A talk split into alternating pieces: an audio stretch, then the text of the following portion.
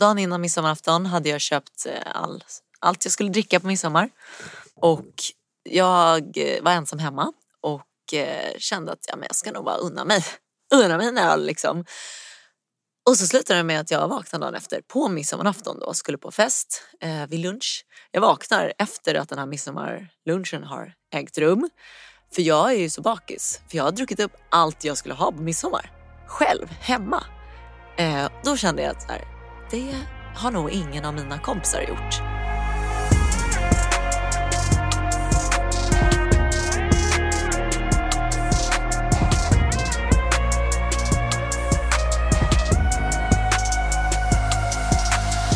Då vill jag önska alla mina älskade, fina, kloka, vackra lyssnare Välkomna till ännu ett avsnitt av Hedén med Boman och Granander, en beroendepodd. En podcast där jag, Nemo Hedén, försöker att bidra med mitt strå till stacken kan man säga. Vi försöker i den här podden att krossa tabun kring beroende. Vi försöker att sprida kunskap om beroende och medberoende och vi försöker att hjälpa människor. Och ibland sitter jag här med mina kära vänner och kollegor från The House Rehab och ibland så sitter jag här själv med en gäst. Det som alltid består är att jag alltid är här och jag hoppas det känns okej okay för er. Ja, ni lyssnar ju vecka ut och vecka in så uppenbarligen så gör jag någonting rätt om man får klappas själv på axeln för ett ögonblick. Veckans gäst är en eh, god vän från eh, tolvstegsvärlden som jag har följt under hennes år i nykterheten och Eh, ja, jag har tänkt att hon ska vara med i den här podden ända sedan jag drog igång det här. Jag frågade henne för ett drygt år sedan, men då var hon gravid så då passade det inte så bra. Nu har hon fått barn och till och med två barn faktiskt. Och nu är hon här hos mig och ska få dra sin livshistoria för oss och det känns väldigt, väldigt fint. Jag vill hälsa varmt välkommen till Andrea Norden. Hej! Hej! Tack! Ja, tack själv för att du är här. Tack för att jag var, var här. Ja, hur mår du? Jag mår jättebra faktiskt. Ja, vad härligt. Ja. Men det känns som att du nästan alltid mår bra. Alltså jag mår alltid bra, mm. nästan. Mm. Skillnaden nu från hur det var tidigare är att nu för tiden när jag mår bra så mår jag faktiskt bra på riktigt. Mm. Förr har jag ju gått runt och mått bra eh, på låtsas liksom. Och mm. det är ju en stor skillnad alltså. Mm. Eh, men nu mår jag bra. Nu har jag precis fått, som du sa, två, två bebisar. Tvillingar. Och eh, tycker bara livet är väldigt härligt mm. faktiskt. Eh, jag blev ju varnad innan dess. Alla sa ju att det kommer vara ett helvete och du kommer skriva av de två första åren med bebisar och herregud vad det kommer vara jobbigt. Så jag förväntade mig ju kaos. Och nu tycker jag bara det är asmysigt mm. faktiskt. Men jag kan ju säga att så här, hade jag fått barn förr när jag var aktiv, då hade det inte varit kul. Eh, då kan jag tänka mig att jag hade tyckt att de bara var i vägen. Det har jag ju lärt mig i nykterheten att liksom go with the flow, alltså vara med verkligheten. Alltså nu har jag två barn, nu får jag liksom följa deras tempo. Eh, det hade inte gått tidigare om jag, om jag tittar tillbaks på hur det var. Då hade jag ju velat liksom, göra massa annat. Mm. Liksom det ska vara på mina villkor. Så var det tidigare. Nu är det på deras villkor och då går det toppen. Liksom. Mm. Har det varit självklart för dig att skaffa barn? Senaste åren har det varit jättesjälvklart. Mm. Verkligen. Innan nykterheten var det absolut inte självklart. Nej. Jag tror att en del av mig var jätte liksom, rädd att det aldrig skulle hända. Att jag aldrig skulle hitta någon som jag skulle skaffa barn med. Liksom. För att jag visste ju under ytan vem jag var egentligen. Jag tänkte så här, alltså det kommer komma, det kommer komma fram att jag är typ en bluff. Eh, vem ska vilja vara tillsammans med mig liksom? Så att, men den sidan visade jag ju såklart inte utåt utan utåt sa jag ju till folk att eh, nej men barn är så jobbigt och jag vill ju satsa på karriär och eh, nej men äh, jag tror faktiskt inte jag är så intresserad av barn faktiskt. Snacka om att försöka liksom låtsas som att nej men jag är inte ett dugg rädd. Det här är vad jag vill. Men eh, nej, så då var det ju verkligen eh, en helt annan grej. Så det är ett skifte verkligen. Innan jag blev nykter, vilket det nu är fem och ett halvt år sedan, då var det verkligen så här, nej. Jag tror kanske, eller kanske blir, kanske inte, får se, så vet inte, det spelar inte så stor roll. Liksom. Det är så jävla speciellt att det är fem och ett halvt år sedan. För jag, jag var ju på ditt första möte. Ja. Ja. Och eh, jag kommer väl ihåg det för att min sponsor tog med dig in i tolvstegsvärlden. Ja. Han, han, ni kände varandra från någon, någon jobbvärld tror jag. Alltså genom en gemensam kompis typ. Exakt. Och, och så tog han med dig in där och du satt där och det var ju på eh, Nobba Brass och Nubbe. Mm. Ja. En onsdag kväll klockan sju. Exakt, exakt. Och det är så jävla speciellt där när man minns folks första möten. Liksom. Hur man, man, man ser på dem hur jävla omtumlande det är att komma in i den här världen. Och bara hitta folk som pratar som en själv och känner som en själv. När man har gått runt och trott att man är helt ensam i allt man känner. Ja. Ah. Nej gud, jag kommer ihåg den där eh, kvällen som om det vore igår alltså. Mm. Eh, för då hade han ju... Jag, hade träffat honom en gång liksom, på en fest för länge sedan. Och eh, absolut inte haft koll på att han var nykter. Sen när jag liksom blev nykter på vita knogar så, så tyckte jag att livet sög. Liksom. Eh, Vita knogar är då, för de som inte vet, det är att man liksom är nykter utan ett tillfrisknande i kroppen. Exakt. Utan möten, utan tolvstegsprogrammet, utan någon hjälp egentligen. Ja. Man bara kämpar. Tills Ja, men- knogarna blir vita då. Exakt. Och man mår skit Ja, helt enkelt. Och man Mm. tycker att varför ska man vara nykter till slut? Exakt. Eh, så jag hade hållit på så i en månad och eh, pratade med en eh, kompis med mig och hon sa att men ta den här killens nummer, han, han är nykter liksom. Mm. Typ inget mer än det. Så att, eh, ja, ja, och då var verkligen livet åt helvete tyckte jag. Allt var dåligt. Mitt förhållande var dåligt. Jobbet gick inte så särskilt bra alls. Liksom. Men, mitt känsloliv var ju upp och nervänt. Men det här får vara en cliffhanger nu. Ja. För annars går vi händelserna i förväg ju. Ja, ja, ja. Ja. ja. Jag tänker- Jag tänker ändå att vi ska ta det lite från början. ja men det, gud jag gillar det för jag gillar ju egentligen kronologisk ordning. Ja men jag med. Ja, och, det brukar, en- och det brukar vi göra i den här podden också. Ja, det är bra.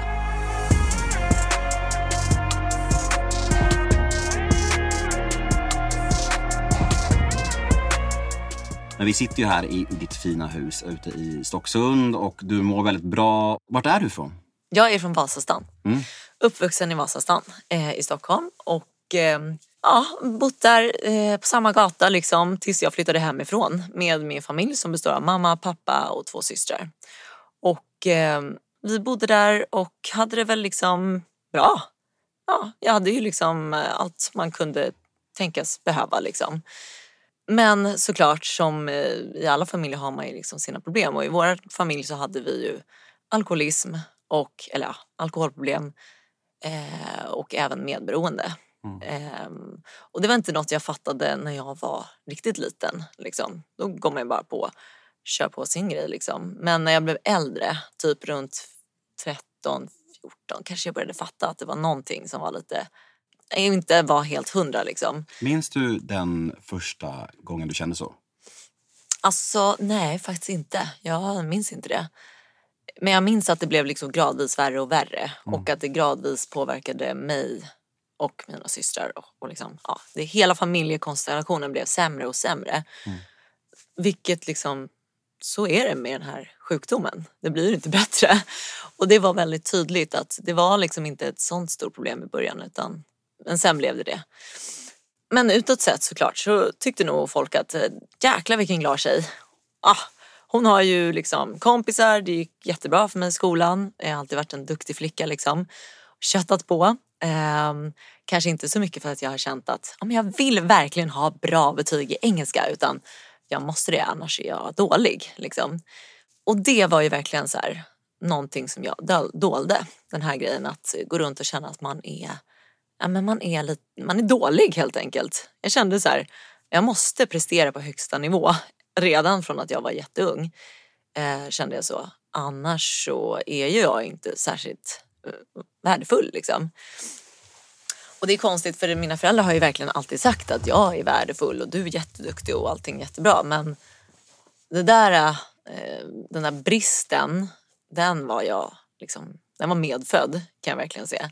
Nej men som sagt, jag gick runt och där liksom i skolan och hade jättemycket kompisar och allt såg ju jättebra ut liksom. Men på insidan, alltså kommer jag ihåg redan när jag var typ 6-7 att jag kände att så här, fan jag har en stress i mig. En oro liksom. Och lite liksom, ah, jobbig känsla i kroppen hela tiden. Och den blev bättre när jag åt mycket socker. Så redan då kommer jag ihåg att jag bara, nice, jag kan kontrollera mitt känsloliv. Jag tänkte inte riktigt så klart då, men jag kan, jag kan känna saker om jag äter socker. Så det var min första, liksom, mitt första verktyg kan man säga. Och sen när man eh, blir lite äldre, typ jag tror att jag runt 13 år började jag, jag och mina kompisar testa att dricka alkohol. Eh, och jag kände ju direkt att det här var ju det bästa jag varit med om faktiskt. Vissa känner ju att man spyr och allting är, men att det är jobbigt. Men jag kände ju direkt att det här var ju fantastiskt liksom. Framför allt då för att jag slapp känna den här känslan av att eh, jag måste prestera, jag måste passa in, jag måste tänka på vad jag säger annars kommer jag ju vara värsta tönten.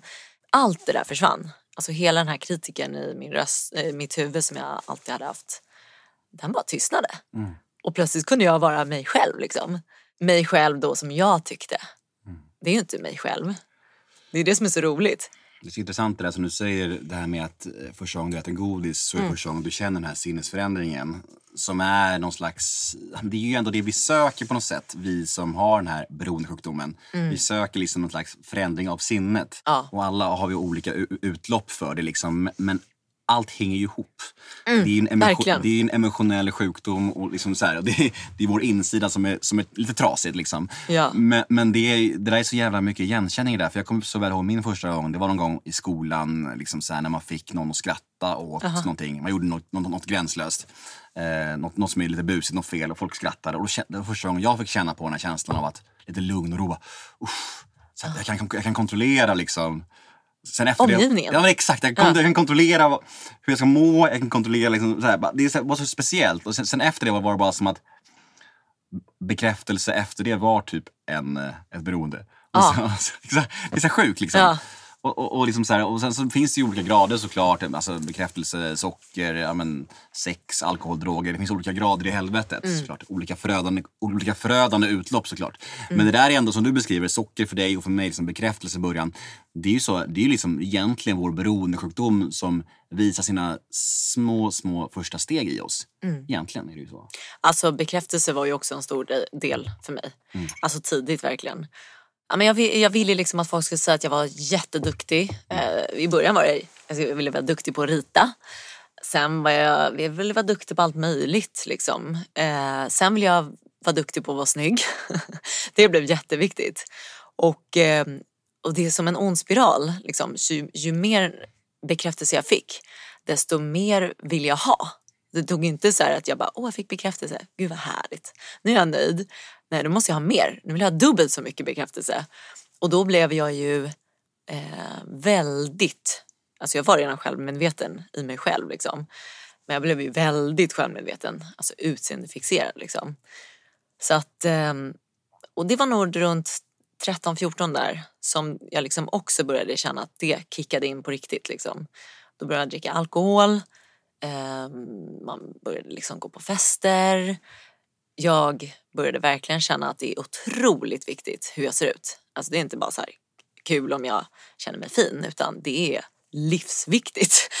Verkligen. Och eh, fan vad sorgligt när jag tänker tillbaka. Jag la så mycket tid på mitt utseende och det jag la tid på var inte att så här, åh gud eh, jag ska göra mig fin utan det var väldigt mycket så här, fan vad fult alltså, gud vad dåligt. Oj hur ser håret ut, oj, oj min hy är katastrof. Och jag har liksom alltid haft så här, mitt hår har sett bra ut och min hy har varit bra liksom så att det är, ja, det är väldigt eh, sorgligt liksom. Och det är ju någonting som vi sen senare i programmet får reda på att man har lagt så mycket energi på fel saker. Inte konstigt att man är helt matt liksom i sitt aktiva liv. Energin bara åker åt fel håll liksom. Och ens verklighetsuppfattning är ju helt jävla skev. Ja. Jag tror också det hänger ihop med den här sjukdomen. Det här med det här självhatet, det här med att slå på oss själva. Liksom, att vi, liksom inte har någon, vi har liksom ingen verklig kontakt med eh, hur det är egentligen. Nej, Alltså, så här, jag har alltid haft, sett mig själv som överviktig och, tjock. Och he- hela ja, det är ju inte så. så. Nej, men jag har gjort det. Nej, Jag det. ja. jag, min identitet har varit ja. stor. För att jag, när jag föddes så var det stor. Liksom, så här. Men jag, Ja. har aldrig, jag har aldrig varit tjock egentligen. Nej. Och sen när jag ser bilder från mig själv från, från, från tider då jag känner så här, fan vad tjock jag var på den tiden. Så bara ser jag bilder och jag bara, jag ser nästan spinkig ut liksom. Ja. Och du vet, det är också så här, hur, hur skevt det kan vara när man lever i den här otroliga självkritiken. Liksom. Det, man blir helt? Delusionerad, Ja. det? De- desillusionerad. Bra, Nej. där satt den. Snyggt. Jag kunde inte klara av det. Men Du, du löste det, snyggt. Ja. Ja, men, ja. Jag känner igen mig där också. Titta Ja. på bilder och tänka det här var min tjocka period liksom, Ah. inom situationstecken. Fan, alltså. Mm. Och bara, men jäklar jag var ju skitsmal. Vad synd att ha ägnat så mycket tid åt självhat. Verkligen alltså. Så Men- jävla onödigt. Ja, det behövde väl vara så liksom, för att komma, komma till dit man är idag. Liksom. Mm. Och, ja, men, ehm, nej, men jag hade ju då de här olika verktygen. Det var eh, alltså, att ha koll på mitt utseende. Kan man säga att det är ett verktyg? Ja, men det, det, det, är, Bekräftelse. ju kontrollbehov. Det är Ja, också. Ja. det är det ju. Mm. Och sen alkohol. Eh, Jag började snusa också jättetidigt. Alltså Mm. jag var typ så här, kanske 15. Då började jag snusa som en lastbilschaufför. Liksom. Ändå Eh. inte riktigt i linje med söt Nej, tjej får man säga. jag vet. Nej. Man ser ju så här, en, en söt 15-årig tjej tänker Ja, man så här, blond men och bara, hej. Man, man, man, man tänker så här, cigaretter och Red Bull. Tänker Ja. man ju. Ja. Men du bara snus. Jag, jag verkligen körde på liksom två portion snus. Jag började faktiskt med baksnus. det första. Men, eh, och det sjuka var att det var verkligen som med, med alkohol också. Alla bara, åh du kommer må illa och spy. Jag kände bara, ge mig mer. Då var det baksnus liksom. Eh, så jag började ju snusa två snus i taget liksom. Ganska tidigt. För jag kände att en snus, det gav inte mig tillräckligt. Det ska vara mycket. Ehm, och ehm, nej, men så eh, jag började ju även få ätstörningar. Ja, men ganska tidigt där, runt 15 så kände jag att då, då var det liksom ehm, som ett litet smörgåsbord där av olika saker för att hantera mina känslor. Det var liksom så här, jag äter ingenting. Eller du vet, jag äter kanske pyttelite så att det inte ska få uppmärksamhet från andra. Men jag ville ju absolut inte att någon skulle fråga, hallå hur är läget liksom. Så att eh, jag åt lite, jag tränade jättemycket. Kanske typ två gånger om dagen ibland liksom. Såklart sa jag att jag tränade en gång i veckan typ. Och sen så var det ju då godis liksom. Och det var ju, det var ju liksom ett, jag tyckte det var ett fantastiskt sätt att lösa mina liksom, problem. Nej, jag tyckte faktiskt inte att jag hade några problem. Jag trodde typ att det här var helt normalt. Faktiskt. Jag trodde faktiskt att de flesta höll på liksom så här. Bara det att jag, jag trodde inte att alla höll på med den här inre rösten som sa att de var ditten och datten. Liksom. Alltså den här kritiken. Ehm, men jag tyckte inte det var så konstigt. Liksom. Men ja, det var inte direkt något jag var öppen med. Att så här, Tja, jag har ätstörningar och jag missbrukar socker och jag känner att jag vill dricka alkohol så mycket mer än alla mina kompisar. För det kände jag redan alltså, i gymnasiet. Liksom. Man glömmer ju bort så himla mycket nu när det har gått ett tag i nykterheten. Så har jag liksom, man glömmer bort och man förtränger lite men när jag faktiskt tänker tillbaka så Alltså redan när jag pluggade där i gymnasiet så hade jag typ en flaska Baileys i min garderob. Mm. Och då bodde jag hemma. Som jag kunde liksom ta fram och ja, hälla upp lite och tycka så här, "Ja, men det här är skitbra, nu blir jag, nu blir jag fokuserad här på plugget. Liksom. Det är inte supernormalt. Men jag tyckte det var en jättebra lösning faktiskt. För att kunna hålla upp eh, humöret liksom, när jag skulle plugga så där hårt.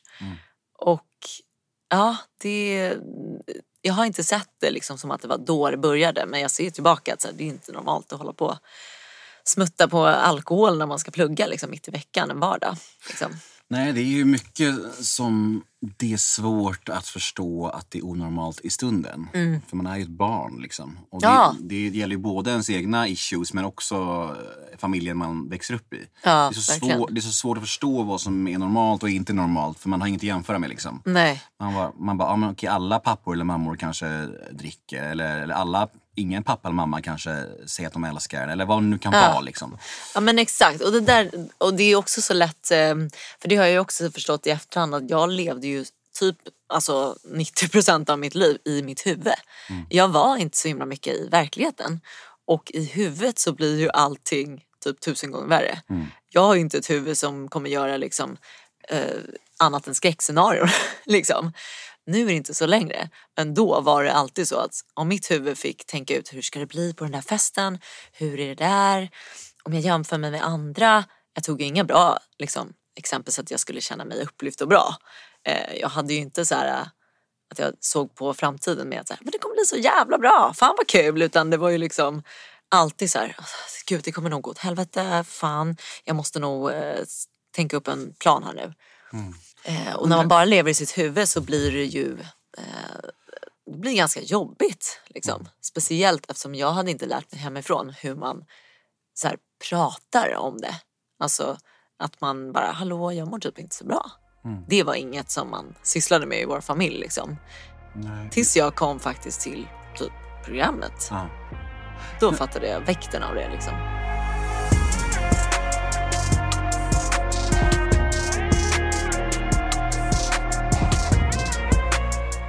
Men hur var det med dina systrar? Hade de, eh, var de lika dig eller var, var ni olika? Nej, alltså det var det som var så störigt också. Jag kunde jämföra mig med dem. Och då märkte jag ju det redan när vi var små. Att när vi fick så här lördagsgodis. Mm. Då kunde de sitta där med sin lilla kopp med tio bitar godis liksom, du vet. Mm. Som man fick. Och jag hade ju ätit upp alla direkt. Och de satt där och bara, mm, åt inte ens upp på, på fredagen så de hade kvar tills på lördagen. Mm. Och jag kände bara, vad fan. Och den känslan av att så här, men sluta, varför, varför äter ni så jävla sakta? Mm. Gör ni det för att retas? Det var exakt samma känsla som jag kände sen när jag blev äldre och man har suttit på middagar och folk dricker så jävla långsamt. Och jag tänkte ju typ ibland så här, nej men folk måste skämta. Nej men de måste ju liksom, de måste skämta, så här långsamt kan man inte dricka. Första åren så, så kände jag liksom att ja, men jag får ju låtsas dricka sådär långsamt. Man, man satt och liksom härdade ut och smuttade på glaset och tänkte bara, gud jag vill bara svepa. Liksom. Senare år, alltså när jag blev lite äldre och började tänka att så här behöver man inte ha det. Då var jag lite handlingskraftig så brukade jag grunda lite innan jag gick på middagar. Eller ganska mycket då. Dricka några glas vin innan.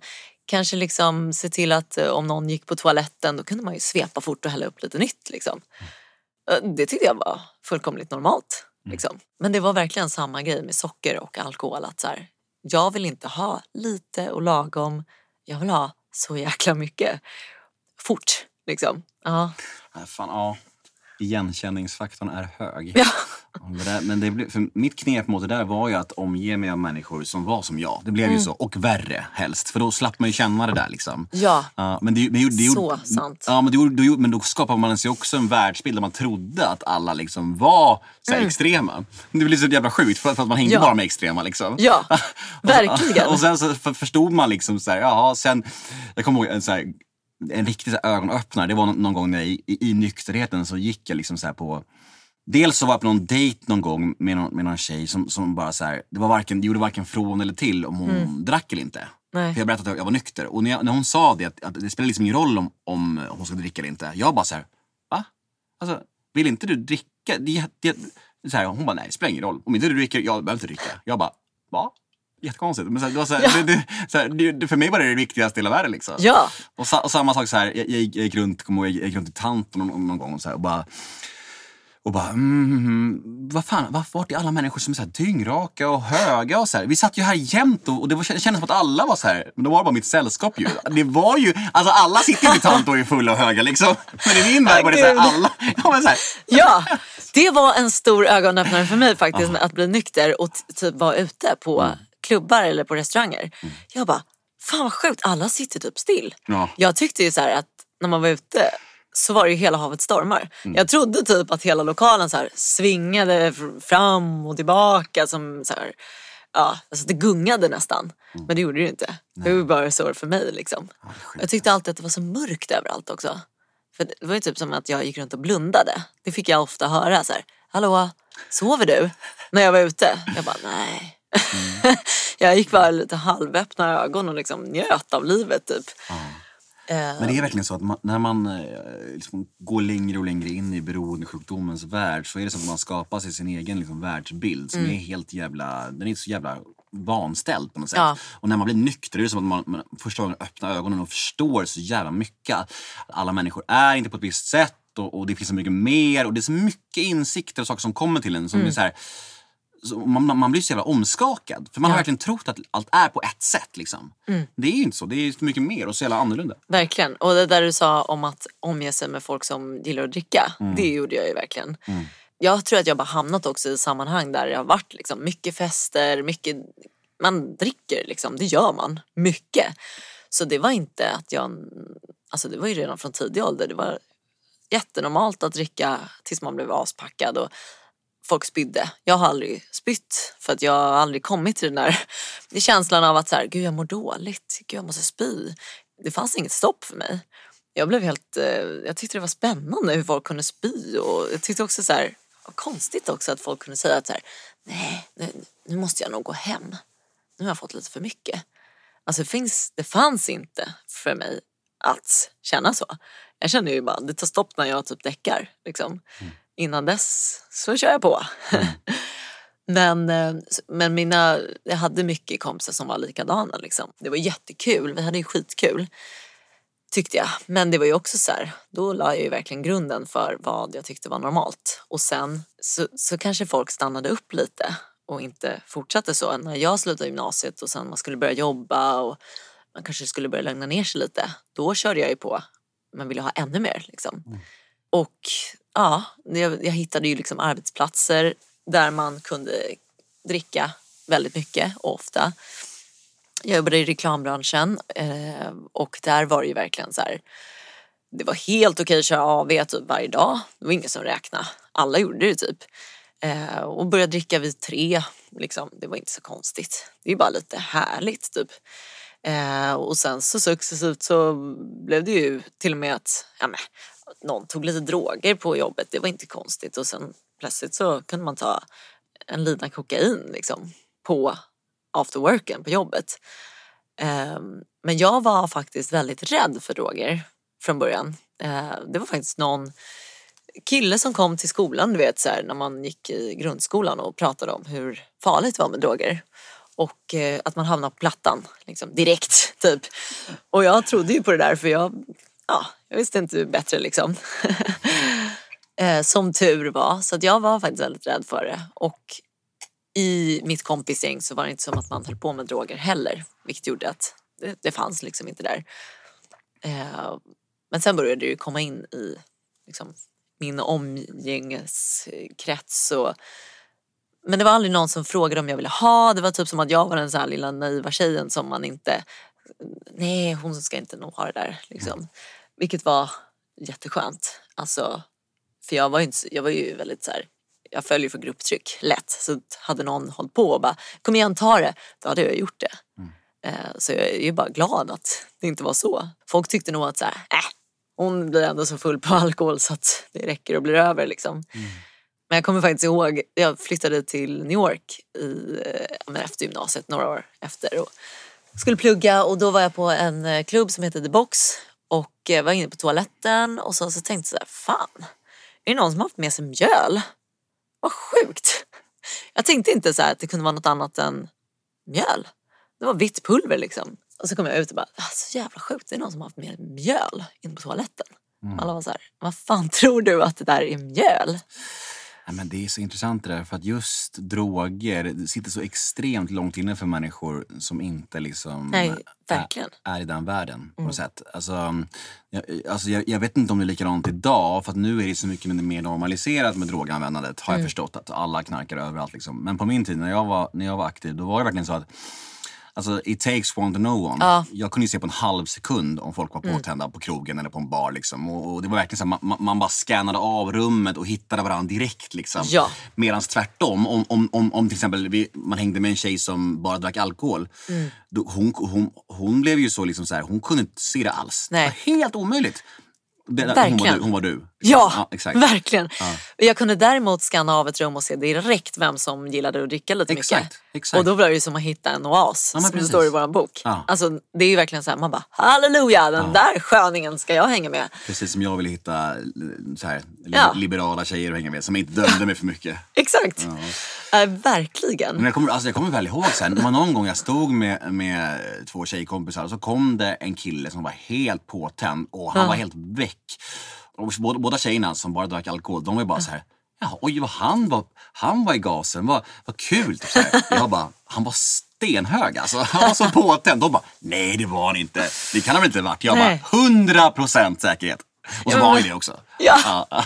ja men alltså, det var verkligen så här, min referens till till att knarka det var så här, man står typ och hänger liksom böjd som en ostbåge på Nobbar, plattan. Liksom. Ja.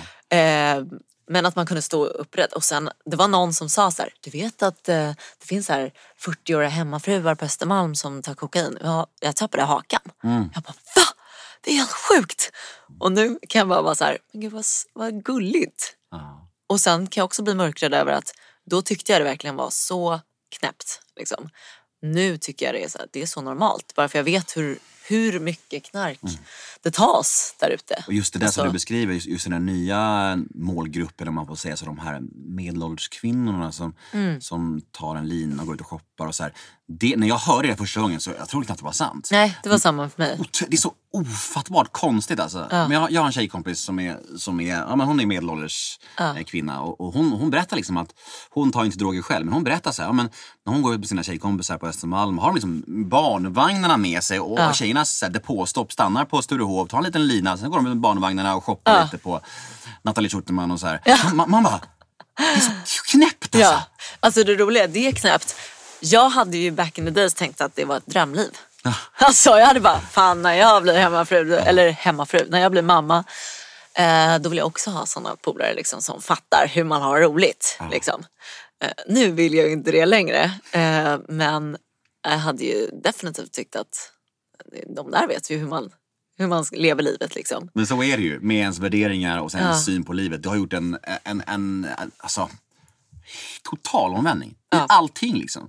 Det är så här, alltså hade nya Nemo fått hänga med gamla Nemo då hade ju liksom gamla Nemo tyckt nya Nemo var den största jävla tönten och losen i hela världen. Alltså torraste jäveln i världen. Alltså. Det är verkligen så. Ja. Medan jag idag tycker att gamla Nemo var alltså, så här, ansvarslös, gränslös och liksom bara, bara mörker. Liksom. Ja. Det är så sjukt, man har ju verkligen gjort totalförändring. Liksom. Det Verkligen. är speciellt alltså. Ja, hade, hade mitt gamla jag träffat mitt nuvarande jag då hade jag ju då tyckt, nej men vilken tråkmåns alltså. Ja, verkligen. Där går hon och liksom är så här, nöjd och glad och vara hemma med barnen. Gud vad mysigt. Liksom. Jaha, hon har inte varit på fest på evigheter. Nej. Liksom. Fan vilken tråkmåns. Men just typ. bilden man hade av nykterhet eh, alltså för, ja, men för tio år sedan. Liksom. Mm. Det var ju så här, det var ju det absolut tråkigaste och torraste som fanns. Det var Mm. Ja. verkligen det. Ja, verkligen. Ja. Nej, men alltså gud. Jo, men just det. Jag glömde en, ett verktyg till som jag hade att Mm. ta fram verktygslådan för att liksom, kontrollera känslorna. Det var alltså arbetsnarkoman. Liksom. Mm.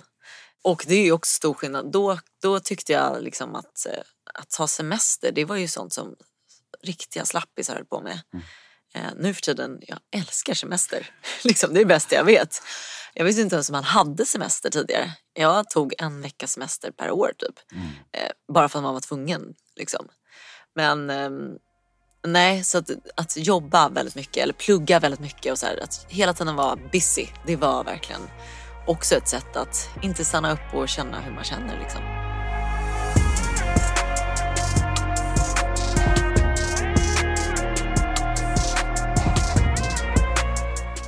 Men när i livet började du känna för första gången att det kanske inte är helt normalt i livet jag lever? Fick det några konsekvenser? Var det Mm. liksom någon som sa åt dig? Eller hur började liksom det här fröet sås i dig? Alltså, jag kände nog redan, jag blev ju nykter när jag var 29.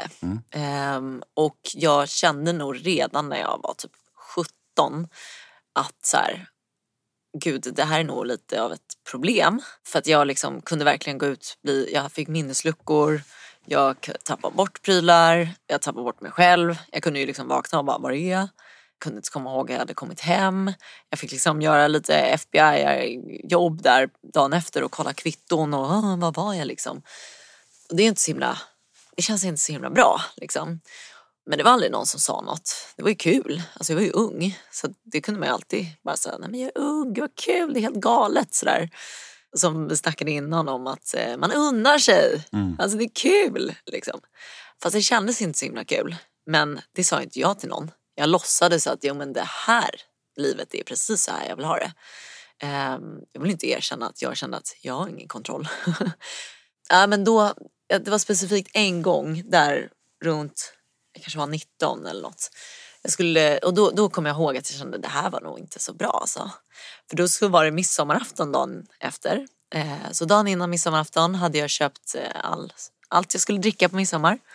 Och jag eh, var ensam hemma och eh, kände att ja, men jag ska nog bara unna mig unna mig en öl liksom. Och så slutade det med att jag vaknade dagen efter på midsommarafton då, skulle på fest eh, vid lunch. Jag vaknar efter att den här midsommarlunchen har ägt rum. För jag är ju så bakis, för jag har druckit upp allt jag skulle ha på midsommar. Själv, hemma. Eh, då kände jag att så här, det har nog ingen av mina kompisar gjort. Och det var ju lite jobbigt att så här, komma till midsommarfesten så här, jättesent på eftermiddagen, jättebakis.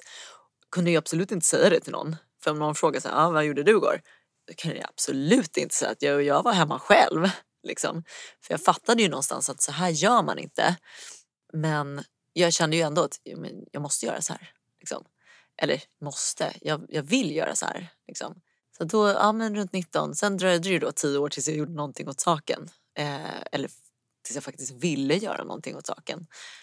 För jag hade ju också tillfällen där emellan de här tio åren där, alltså det gick ju successivt, liksom, det blev sämre och sämre. Um, och jag hade ju några tillfällen där jag liksom kände att fan, det här är inte bra liksom. Um, men gjorde bort mig, gjorde det grejer som jag inte stod för, jag slog mig. Jag hade typ alltid blåmärken över hela kroppen. Um, och är bara glad att det inte verkligen slog mig värre eller värre grejer hände liksom. Men, um, nej men det gick ju verkligen inte åt rätt håll kan man säga. Alltså, när det hade varit någon så här riktig råfylla liksom, någon gång tog jag en vit månad och kände att men gud vad jag är måste ta en vit månad nu och så kände jag att det var ansvarstagande av mig. Liksom. När den vit månaden var slut, jag kommer ihåg det så väl, gick till Sturecompagniet och firade med typ fem shots. Liksom. Den månaden var ju inte kul. Det var inte så att jag var ute och gjorde roliga grejer som vanligt utan jag satt hemma och typ åt morötter. Liksom. Och eh, det beskriver ju ungefär vad jag tyckte om ett nyktert liv. Jag trodde det så här. Alltså, antingen har man kul, då festar man och har roligt och dricker. Eller så är man nykter, då sitter man hemma och har tråkigt. Kanske kollar på film liksom. Men att man skulle kunna göra, ha roligt och vara nykter, det fanns ju inte på kartan. För mig i alla fall. För jag hade ju liksom, jag hade väldigt svårt för att känna mig lugn i sociala sammanhang. Verkligen. Det var någon gång där när jag jobbade på eh, en byrå så gick jag in på ett konferensrum efter en jättefestlig helg och ringde till eh, alkohollinjen. Ehm, och kände så här, vad fan gör jag? Och så svarade de och eh, jag bara, hej hej, jag frågar åt en kompis. Hur kan man dricka lite mer måttligt? Och de fattade väl att jag inte frågade åt en kompis. Undrar hur liksom. många gånger de har fått höra den. Ja. Mm. Det är så roligt också. Det, jag var ju anonym, det, jag behöver inte ljuga Nej. i telefon. De såg inte ens mig. Men ändå kunde inte jag erkänna att det var, Nej. jag frågade åt mig själv. Men då var det väl någon smart människa där på andra sidan linjen som fattade att hon behöver nog kanske lite hjälp. Så de bara, ah, du, du kanske ska börja gå till våran beroendecenter som vi har. Jag kommer inte ihåg vad det hette men någon ställe. Jag fick prata med någon psykoterapeut och jag gick liksom med på det. För jag trodde typ att jag skulle få hjälp att dricka som en normal människa. Och eh, det var väl lite det jag sa där. Att så här, jag vill ha hjälp och liksom få lite ordning på det här bara. Jag var inte där för att få hjälp att bli nykter. Eh, jag fick också tabletter där som skulle hjälpa mig att...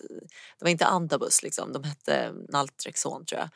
Och som skulle göra att jag inte kände några effekter av alkohol. Så man fick inte den här att man vill, uh, jag vill spy av det utan det var bara att jag drack och så fick jag väl, jag fick väl typ samma reaktion som alltså, normala människor får. Jag fick ont i huvudet till slut jag kände så här, oh, nej men gud, jag mår inte så bra. Alltså sådär som jag hade hört folk känna. Så kände jag. Problemet var ju bara att så vill inte jag känna. För att då satt jag ju där på någon middag och kände att jag hade ont i huvudet och inte kunde dricka mer och hade fortfarande den här stressen i kroppen som jag ville bli av med. Så det slutade ju bara med att jag slutade ta de här tabletterna. Ehm, och så rann det där ut i sanden liksom och sen körde jag på. Sen dröjde det nog några år till innan jag verkligen eh, nådde min botten. Reflekterade du mycket kring din egen uppväxt när du själv började närma dig de här insikterna? Alltså, tänkte du så här, ja, men hur jag har formats av att växa upp bland alkoholism? Eller, eller, mm. eller, eller började det här reflekterandet på allvar först när du blev nykter själv? Alltså det börjar, jag har, har nog reflekterat mycket över det alltså under min uppväxt. Att så här, Åh, det är inte mitt fel att jag är så här. Det är för att jag liksom haft alkoholism så nära. Och liksom, eh, vilket inte riktigt makes sense. Att om jag ser någonting som jag ogillar då ska inte jag göra likadant. Men jag gjorde exakt likadant. Mm. Och det är ju väldigt knäppt liksom. Men det bara blev så.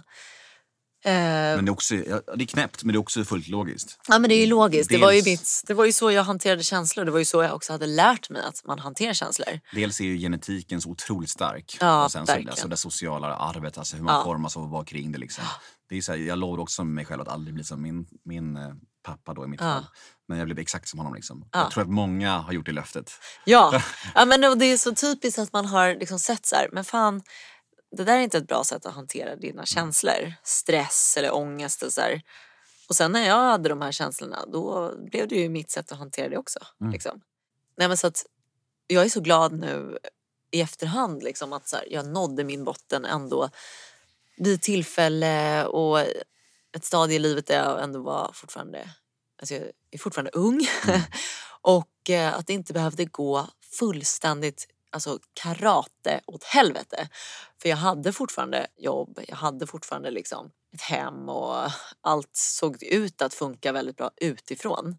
Och jag vet ju att sådana där grejer kan få en att känna att jag har inte nått min botten, jag måste köra på. Men det var liksom min, det var min emotionella botten som nåddes så himla starkt. Mm. Och jag ska säga att jag, eh, jag startade eget företag också eh, några år liksom, efter plugget och sådär. Och eh, dels för att jag tycker att det jag kände så här, jag kan inte ha en Alltså jag kan inte gå till en arbetsplats och ha arbetstiden 8.00 på morgonen. Det funkade liksom inte med mitt liv. Jag ville ju, alltså jag gick ut och festade typ onsdag, torsdag, fredag, lördag. Och det blev liksom ohållbart att komma upp 8.00.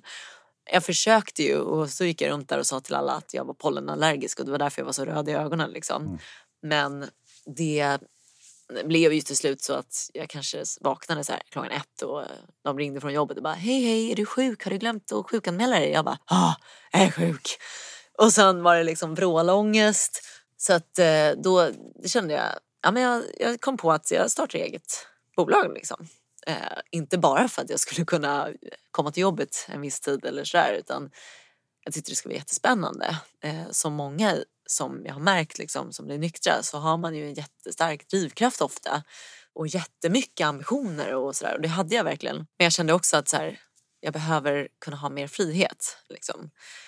Och när jag väl startade mitt eget företag då var det som att min livboj där som jag hade haft att hela tiden ha en rutin, gå till jobbet på måndagen, man är där viss tid, man går hem och sen går man till jobbet dagen efter det försvann helt. Det var ingen chef som höll koll på mig längre och det var inga arbetskollegor som jag försökte hålla uppe skenet framför. Utan jag startade mitt bolag, fick direkt massa jobb, vilket var jättekul. Jag gör liksom design och sådär, loggor. Och satt hemma och jobbade och tog på mig alldeles för mycket såklart för jag är dålig på att säga nej. Eller sätta gränser sådär. Så det blev att jag satt och jobbade hemma typ dygnet runt. Um, vände på dygnet helt. Började känna att eh, jag orkar inte vänta tills fredag eller så här, tills det är fest typ med att dricka. Ja, jag vill dricka nu liksom, även en tisdag eftermiddag. Och eh, kände att jag behöver det för att annars kan inte jag riktigt vara kreativ. Eh, eller annars orkar inte jag det här tempot. Så jag liksom byggde ett liv där jag kände att alltså, alkohol, jag behöver det här bränslet. Eh, så jag kunde fortsätta rättfärdiga att jag jag, jag, jag måste ju ha mycket av det här. Och det blir ju, det blev verkligen så här som det brukar vara. Liksom. Att man går från att det var fest och kul och i, i kompisars sällskap till att man mer och mer successivt isolerar sig. Och det blev så för mig också. Till slut så var det så här, jag kände liksom inte att gå ut och festa med folk eller gå ut och ta en middag och dricka det kände jag inte blev lika, jag blev inte lika sugen på det. Då kände jag liksom hellre att ja, men jag vill vara hemma och dricka själv. Liksom. Dels så orkade jag typ inte vara social riktigt på samma sätt som tidigare. För det krävde så mycket av mig för att orka liksom sätta på det här happy facet, sminka mig, få mig att se normal ut fast jag var liksom jättebakis ofta. Och också att folk drack ju inte i det tempot jag ville. Så ska man sitta där och dricka lite långsammare än vad man vill. Liksom. Mm. Så det blev successivt att jag faktiskt isolerade mig mer och mer. Och ja, satt där hemma och jobbade och liksom jobbade och det var en hamsterhjul och jag drack och kände att jag vill inte ens dricka så här längre. Det var då jag började känna så här, uh oh, mm. fan. Hade du träffat din eh, nuvarande kille då? Ja, mm. sista året innan jag blev nykter mm. träffade jag honom. Mm. Och, eh, det är ju liksom så roligt när man tittar tillbaks på det att jag träffade honom, jag utåt sett var jag on top of the world. Liksom. Mm. Eh, jag gick så jävla bra på jobbet, jag fick så mycket kunder och liksom han, han har ju sagt i efterhand att jag pratade så otroligt mycket om mig själv. Mm. När vi hade middagar. Alltså jag bara drack vin efter vinglas och bara pratade om hur jag var så lyckad. Skön tjej liksom. Mm. Men eh, genom något mirakel så föll han för mig ändå.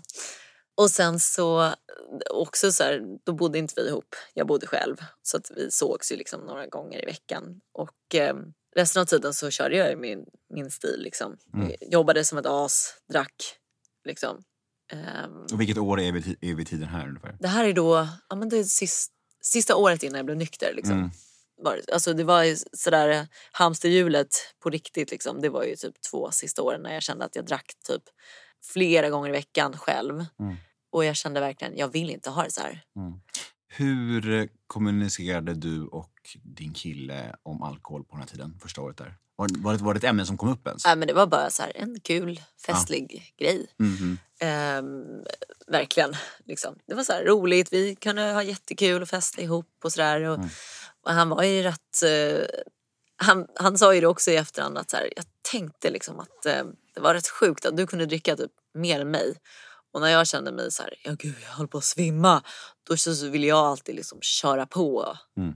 Och bara, va vi har ju bara börjat liksom. Ska mm. du, vill du gå och lägga dig?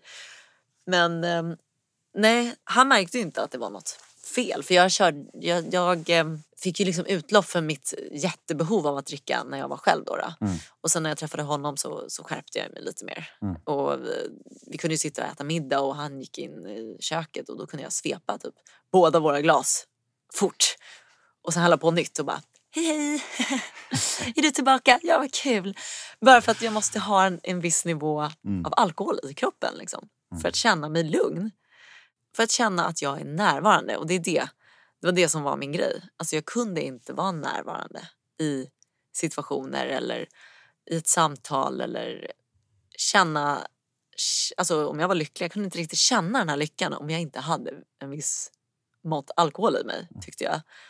Och det var för att jag var hela tiden i mitt huvud, typ mitt ego liksom. Vad hände då? Ja men det som hände var att eh, dels började min moral förflyttas liksom. Eh, jag började, eller alltså började, jag hade ju hade alltid känt att ljuga, det, det gör man ju, det är en överlevnadsstrategi. Så då gjorde jag eh, mycket och eh, liksom skarvade här och där och hit och dit. Och, eh, jag var liksom inte en person att lita på helt enkelt. Och eh, det som är så sjukt är att så här, den kvällen när jag drack för sista gången, det är absolut inte en av de värsta kvällarna liksom. Absolut inte. Men det var då jag nådde min botten emotionellt. Och jag tycker det är typ ett mirakel nu när jag tittar tillbaks på det, varför det hände just då. Liksom. Men jag tror det var för att då var första gången som någon såg igenom mig. Och det var min kille som, han såg ju igenom mig. Liksom.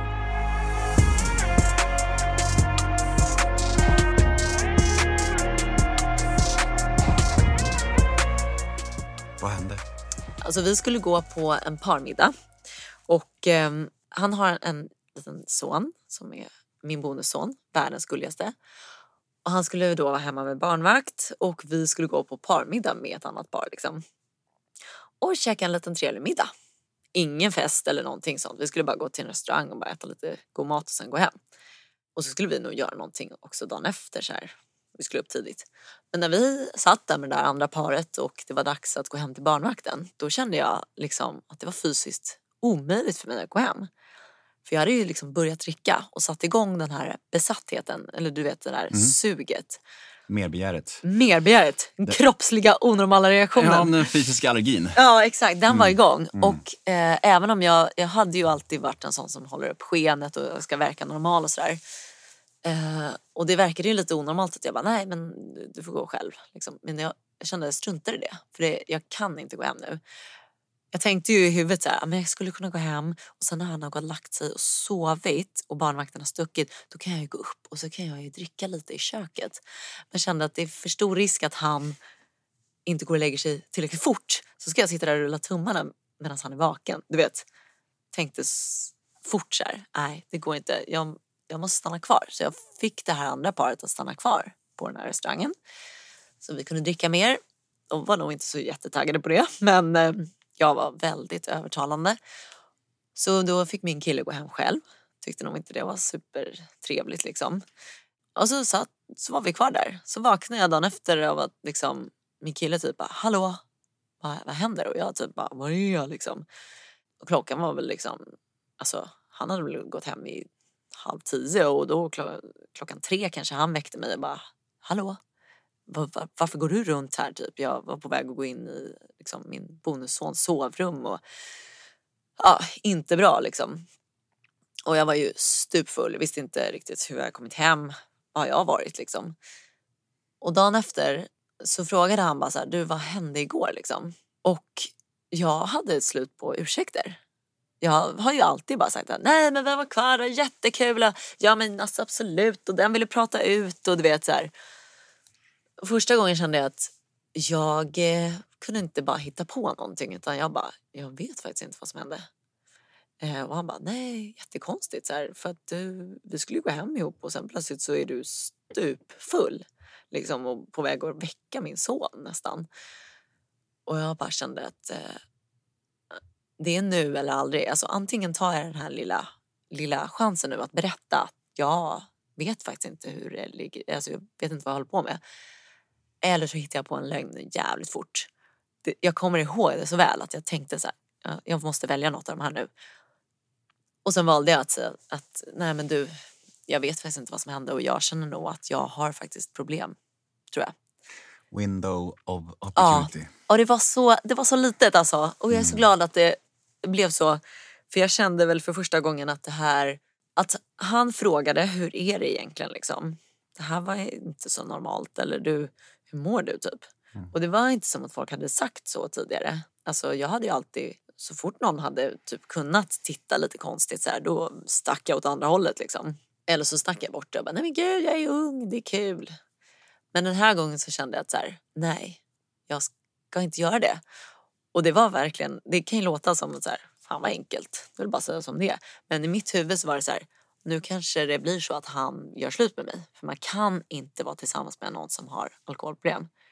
Men han sa ju bara, okej, okay, jaha, nej men, ehm, och, ja, men då får du göra något åt det då. Liksom. Eh, och det var ju också så här, nytt. Jag tänkte ju inte att man kunde göra något åt det. Jag tänkte bara att man är dömd till det här för alltid och så här är det liksom.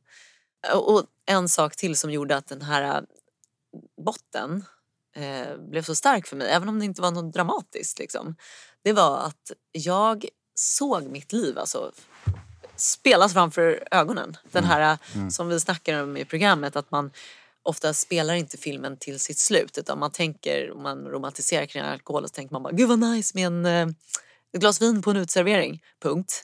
Men om man drar filmen hela vägen så ser man hur det blev två glas vin, tre glas vin. Man blir superfull, man tappar bort sig, tappar bort pengarna, man vet inte hur man kommer hem.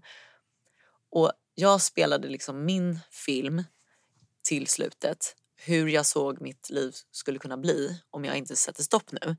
Och det var så starkt. Alltså jag såg framför mig hur jag stod i ett kök med typ någon barn skrikandes och att jag var ensamstående och stod och liksom drack ur en eh, bag-in-box i smyg i ett skåp. Mm. För jag kände att det där är exakt det det kommer bli. Jag kommer, jag kommer fortsätta försöka dölja det här. Och sen vara olycklig. För jag kände liksom att så här, jag, har, jag har förutsättningar för att vara lycklig. Men jag känner inte riktigt att jag är det. Eh, och det kommer inte bli bättre liksom. Mm. Men eh, så och, där var liksom min botten skedde. Mm. Och då är vi där vi var för ungefär 45 minuter sedan hur du, kom, ja. hur du kommer i kontakt med han då som jag har haft som sponsor. Ja. Och, och, du går på ditt första möte. Ja, exakt. Och då, mm, ja, men där, därifrån så var det faktiskt så att jag först var nykter i, i en månad på Vita Knoga då. Mm. Från dess att jag sa att ja, men jag har ett problem och vi kom fram till att ja, men nu, nu eh, ska du testa att vara nykter då. Och eh, det var inte som att jag riktigt hade någon plan på att jag skulle liksom ta hjälp eller jag visste inte riktigt vad gör man nu. Så här. Jag tänkte typ nu är man nykter liksom. Så den månaden var ju alltså fruktansvärd. Poletten hade trillat ner så starkt att jag har problem. Um, för det var som att alla minnen från hur det har varit tidigare började komma tillbaka. Att här, jag har ju alltid blivit stupfull. Jag har ju alltid haft minnesluckor. Jag har ju liksom dryck, dricker ju själv. Mm. Alltså, jag sveper ju själv för att jag har ett, ett, eh, någonting som gör att jag måste ha mer. Liksom. Men jag kände inte att det här livet, gud vad kul det kommer bli. Jag tänkte ju verkligen, nu kommer det bli så tråkigt. Och den här månaden var som att jag gick och sörjde en kompis som hade dött typ. Verkligen. Alltså jag gick och grät liksom. Tills en eh, kompis sa så här, men ring den här killen. Eh, han är nykter och eh, så ringde jag honom. Och han sa att eh, ja, men jag fattar hur du känner och det kommer bli bra liksom. Det vi kan göra det är att vi kan gå på mötet tillsammans. Liksom. Ehm, så då bestämde vi att vi skulle göra det. Och jag har nog aldrig varit så nervös över någonting i hela mitt liv som att gå på det här mötet. För att alltså att jag, jag hade ju fattat då att så här, jag är nog alkoholist alltså. Och det hade ju varit min största hemlighet i hela mitt liv. Och nu skulle jag gå till något ställe och liksom inför massa folk eh, i grupp sätta sig och bara Tjena, jag är alkoholist. eh, men eh, så fort jag kom in där så kände jag någon slags hopp. Alltså alla såg så himla glada ut och alla log. Och när det var en sån här runda, alla skulle dela i en cirkel och jag höll på att alltså, svimma tror jag när det började närma sig mig. Men sen när det väl kom till att det var jag, du var ju där, mm. jag höll nog på att svimma. Mm. Men eh, när det kom till att det var min tur, jag började gråta men jag sa också att så här, hej jag, är, jag heter Andrea och jag är alkoholist. Och när jag hade sagt det, då var det som att det var alltså stenar som lyfte från axlarna. Mm. Från liksom från hela mitt liv. Alltså så jävla tyngd som lyftes liksom. Och eh, den känslan var så uppfyllande så att jag kände att hit vill jag komma igen. Liksom. Och sen så sa folk att eh, du ska ta en sponsor. Jag hade ingen aning om vad det var. Jag, jag hade ingen aning om att man skulle göra någonting annat i de där rummen än att sitta och prata liksom, i ring. Men då sa någon att du måste ha en sponsor. Eh, så gjorde jag det dagen efter.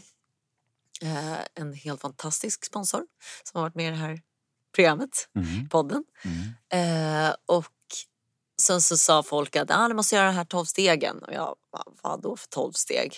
Jag hade absolut aldrig hört något om tolv steg liksom. Men kände att ja, så där som jag mådde den här månaden nu när jag var utan alkohol men hade insikten om att jag kan ändå inte leva med alkohol. Vad ska jag göra då? Eh, det gjorde att jag kände ja, men jag gör tolv steg. Eh, vad har jag för val liksom? Och i början tyckte jag att det var sjukt jobbigt. Eh, jag skulle ringa min sponsor varje dag vid en viss tid. Jag skulle gå på fyra möten i veckan. Vi skulle göra de här tolv stegen, vi skulle göra läxor, vi skulle läsa ihop och tyckte det var lite jobbigt sådär. Och efter ett tag så tyckte jag att det var kul. Och jag kände bara att det gav så himla mycket mer för varje gång vi satt. Jag kände att jag började lära känna mig själv. Och det var också spännande att börja göra annorlunda än vad jag alltid hade gjort. Jag kunde ha ett problem liksom i livet eller i min relation. Det var ju såklart svajigt i min relation för att massa av mitt gamla bagage kom upp och så här, jag var ju tvungen att liksom lägga alla kort på bordet. Liksom. Och, eh, då kunde jag ringa till henne, och, alltså min sponsor då, och, och eh, säga jag har det här problemet, hur ska jag lösa det?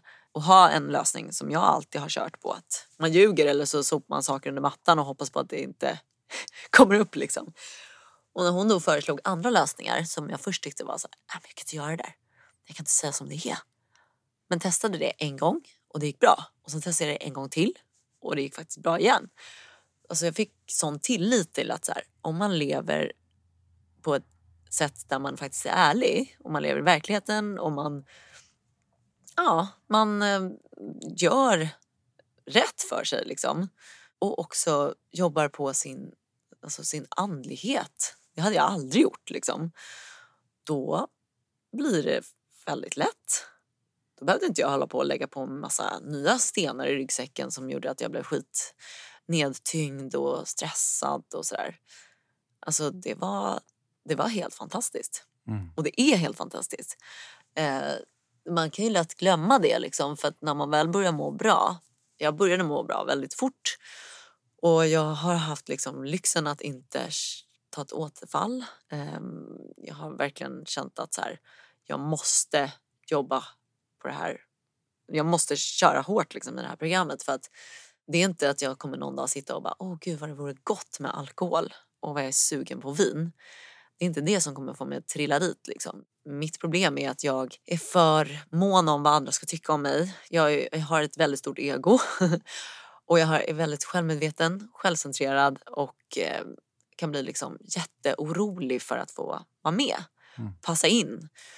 Och den här oron och stressen och vad ska folk tycka om mig och alltså, vem är jag egentligen och jag är så dålig. Bla bla. Om jag börjar låta det komma tillbaka, det är det som är mitt det är det som är det farliga för mig. Det är det som kommer få mig att till slut känna att jag orkar inte med det här tjattret i huvudet. Liksom. Det känns som en bra idé att ta ett glas vin. Mm. Liksom.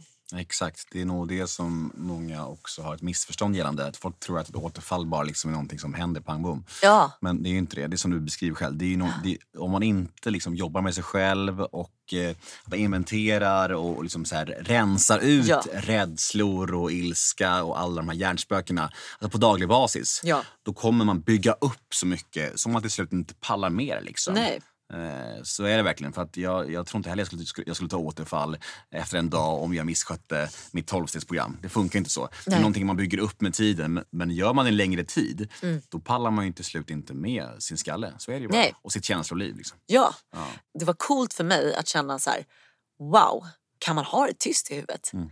För det hade jag ju typ aldrig haft. Liksom fram tills att jag var 29. Mm. Då hade jag ju blivit van vid att det är liksom negativ röst där som säger det här och du måste hela tiden någonting som hela tiden säger så här, gud vad dåligt, vad sa du nu, shit vad töntig du är. Ah, liksom. eh, och hela tiden levt i framtiden eller i dåtiden mm. och ältat och hållit på. Och sen när man kom till programmet, började göra stegen, gjorde klart stegen och började hjälpa andra, alltså då plötsligt så fick jag känna hur det var att ha det tyst i huvudet. Mm. Och kände bara, alltså är det så här? Är det så här folk har haft det? Fy fan vad skönt. Mm. Liksom. Vi ska koppla in eh, mina vänner från The House Rehab för att svara på en lyssnarfråga och segmentet heter The House svarar.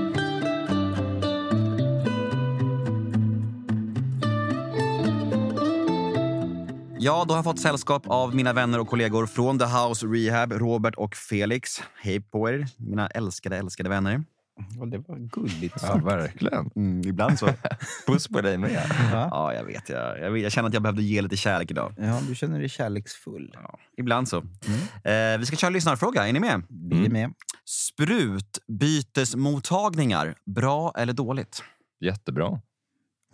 Ja, det är väl jättebra att man, att man får byta sin eh, spruta och, och slippa föra vidare sjukdomar och riskera andra hemskheter. Det borde kanske vara i större kombination mm. med annan hjälp. Eh, alltså möjligheten att också få lägga in sig på avgiftning om jag nu hellre mm. vill ta det valet. Eh, att få vård. Påbörja en behandling. Eh, och det är ju en grym intervention just för att rädda liv. Jag menar, de här människorna, det är ju liksom, det är något som verkligen behövs för väldigt många individer som befinner sig där. Men det är precis som Robert säger, att det kanske krävs fler typer av interventioner som hjälper dem också. Uh, och inte bara liksom för att kunna missbruka säkert, utan hur slutar vi missbruka helt? Mm. Mm. Bra. Och om man vill kontakta er på The House Rehab, vart vänder man sig då? Vänder man sig till sandra at thehouserehab.com eller alicia at thehouserehab.com. Eller? Ert telefonnummer som finns på er hemsida. Vad är, vad är den då? Men, thehousegrp.com kanske? Ah, nästan. Thehouserehab.com. Ja, det vet ju jag. Men, jag, jag, men jag, jag, vet inte. Jag chansade bara. Ja, men det är inte min uppgift att kunna det. Nej, det är faktiskt inte. Jag skojar bara. Sorry att jag satte det där. Ja, det är okej. Okay, det är okay, okay. Tack för ja, idag. Tack.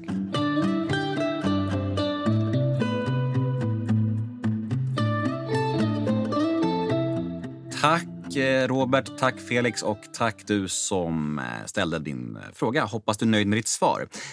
Jag sitter här med Andrea Norden och vi ska knyta ihop ännu en säck. Vi har fått höra hennes livshistoria och det var väldigt fint. Tack.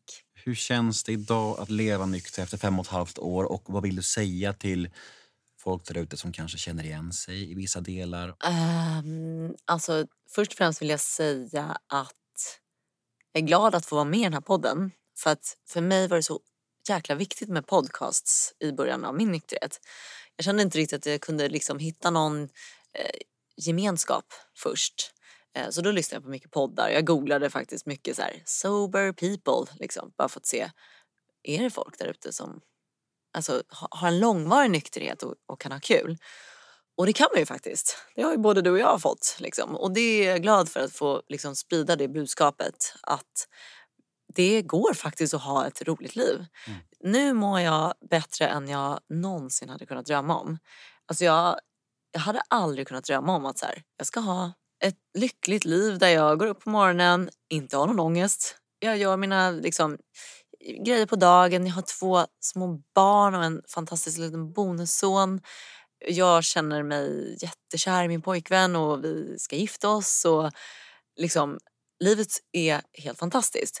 Och det som också är skillnad från hur det är förr. Förr i tiden om mitt liv var fantastiskt för en stund, liksom, då hade jag ju känt så här, ah, det är bra nu men det kommer gå åt helvete snart. nu kan jag ju vara i att det är fantastiskt. Och jag behöver inte oroa mig om det ska gå åt helvete för det är ju jag som bestämmer. Så länge jag gör vad jag ska så kommer det fortsätta vara bra. Och det kommer såklart hända massa grejer i livet. Liksom. Jag har varit med om att nära personer har dött och fått cancer och saker som man inte vill vara med om. Men jag kan ju hantera det idag. Så att ja, jag tycker att det är så viktigt att säga det att om man sitter där ute och känner att man har lite igenkänning liksom och känner att eh, men fan, jag har nog också lite problem liksom. Då finns det liksom ingen tid att vänta på att hitta någon eh, någon botten som ska vara helt sjukt hemsk utan det går faktiskt att sluta nu. Liksom. Ja, men exakt, och jag tycker att det är väldigt kloka och bra slutord. För du var inne på det förut också, det här med att eh, bottnar. Mm. Och vilken problematisk myt det är, det här med att man måste nå sin botten för att ta sig upp. Mm. För det är ju faktiskt så att en botten för mig till exempel kan ju vara att jag ligger i en kista. Alltså, mm. Förstår jag menar? Det kan hända vad som helst när man är dyngrak eller, eller hög. Liksom så man, man, vet inte vad man gör. Liksom. Så ska man gå runt och vänta på att man ska förlora jobb, förlora mm. relationer, hamna hos Kronofogden. Att det blir jättedumt att bara vänta ut att allt ska bli så miserabelt som möjligt. Det är väl kanon om man kan stanna det här skenande tåget innan det. Ja. ja det är väl verkligen jättebra. Ja. Och för det är så många som hör av sig och bara så här, hur vet jag att jag har nått min botten? Alltså jag vill bara säga så här, du reflekterar redan nu över om du har ett problem. Ja. There you go. Liksom. Ja. För vanliga människor tänker inte Nej. så. De tänker inte så. Nej. Nej. För om du verkligen. det är verkligen så. Normala människor med en sund relation till alkohol, de reflekterar inte så här, jag kanske har problem. Men de behöver inte göra det. Nej, men jag har inte nått min botten idag. Alltså kanske nästa år, efter den där roliga festen, då kanske jag når min botten. Mm, alltså, exakt. Det, och då kommer det komma nästa grej som man inte tycker att, ja men jag har inte nått min botten Exakt, än. för vi är ju experter på att skjuta fram de här gränserna. Mm. Liksom. Så det är ju kanon att du, att du stannade tåget i, innan. Liksom. Och det rekommenderar jag alla att göra, för det är mycket bättre. För då har man, alltså lägger man av i tid så har man ett långt, långt liv framför sig och har, och har mycket mindre att bygga upp dessutom. Mm. Det är kanon liksom. Ja. Nej, kanon. Tack så jättemycket för att du kom förbi. Eller kom förbi, det är ju hemma hos dig. Tack för att jag kom förbi hemma hos dig. Tack för att du kom hit. Ja, verkligen. Och eh, jag är säker på att det här avsnittet har hjälpt jättemånga. Så ni som lyssnar och känner igen er, ni kan kontakta mig eller Andrea på Instagram. Det är bara att skriva om ni vill hänga med på möte. Vi tar er i handen mot friheten. Tack Andrea. Tack så mycket. Och tack alla lyssnare så hörs vi igen nästa onsdag. Hej då!